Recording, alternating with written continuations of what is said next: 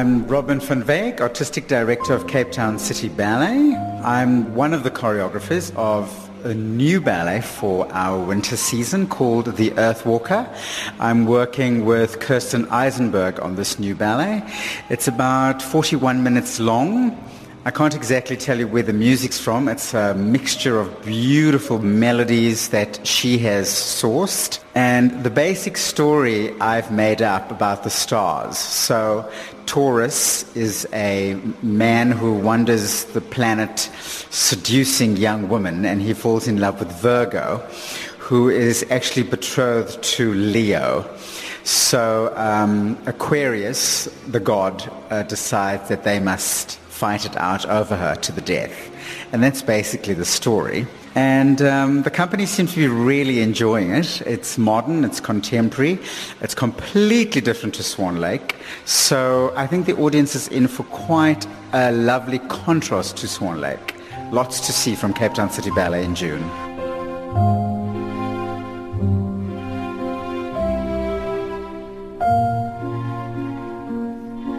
The company is about 39 strong at the moment. We have our regular hard-working principals, but at the bottom of the ranking are all the new graduates and postgraduates. And it's important as a director for me to push from the bottom. So we see that lovely new talent emerging. And there's a lot of new talent in Cape Town City Ballet at the moment. And that's what excites me about working with this company. They're very young, they want to be here, and they love their job. As 'n mens begin praat oor 'n nuwe ballet en mense wil graag weet wat is die styl, hoe gaan dit gedans word? It's uh, it's a modern contemporary feel. It's very earthy, very grounded. The stage is going to be completely bare. There's no sets. Uh, the costume is very simplistic. So it's, we're trying new lifts and new patterning and we're really trying to stretch the boundaries a little bit, Kirsten and I. And our styles are very compatible. We work very well together and I think the company is really enjoying it.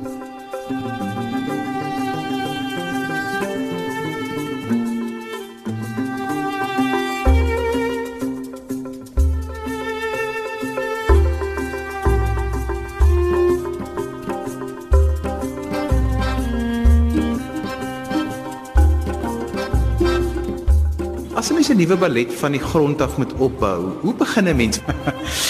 um I think the most important thing first is the music. The music has to move you. And I came with music and Kirsten came with music and we've actually used very little of mine because her music is so beautiful. And nothing big and ostentatious, all very quiet and um, sort of very subtle and beautiful. A lot of piano, which is nice. So I think the audience is in for quite a treat. In die gereedmaak van die ballet, hoeveel werk doen julle nog in die rehearsal proses om die ballet te verfyn? Um I know Kirsten comes very prepared. I don't do that. I have a feeling, an emotion, a concept of how I think the production should move. And then I kind of let it unfold in front of me. I've tried coming prepared, but it just feels so trapped and forced. Whereas I think the dancers feed you as a choreographer and vice versa.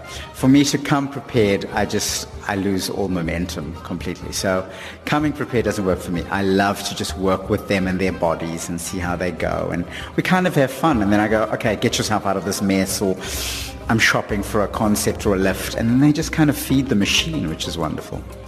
En wanneer kom die konsep, dit wat jy gevisualiseer het, dit wat jy ontwikkel het, alles bymekaar uit of is daar nooit so 'n oomblik nie? Johan, I have so many ballets and ideas in my head all the time. I have to take a sleeping tablet every night because I just lie there thinking of creations and ballets and and every time Elizabeth says, "Okay, I need a new ballet." I said, "Well, I have 5."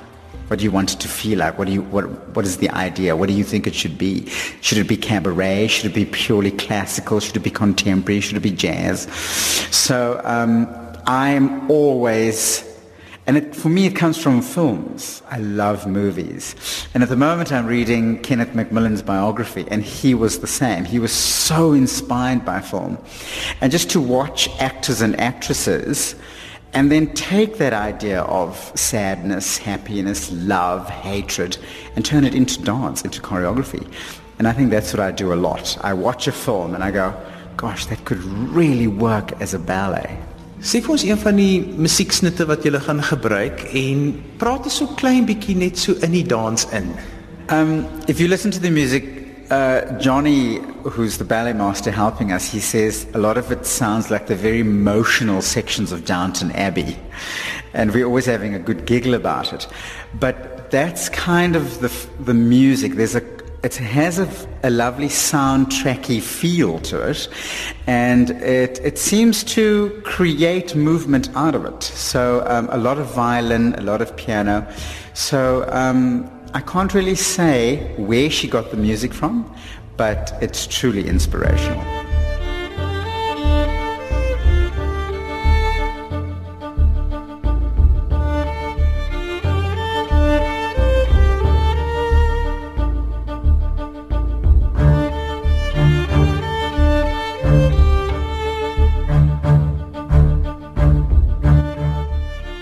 Um, I'm in looking after the Aquarius and his muses, and I see him as this great god that kind of reigns over the Scorpions and the Sagittarians. And the muses are kind of sexual beings, and they sort of at his whim, and they, they're there to keep harmony in the world. And that concept's in my head all the time while choreographing it. For me, the Sagittarians are an earth and fire people. So the choreography is very grounded and earthy and smoldering.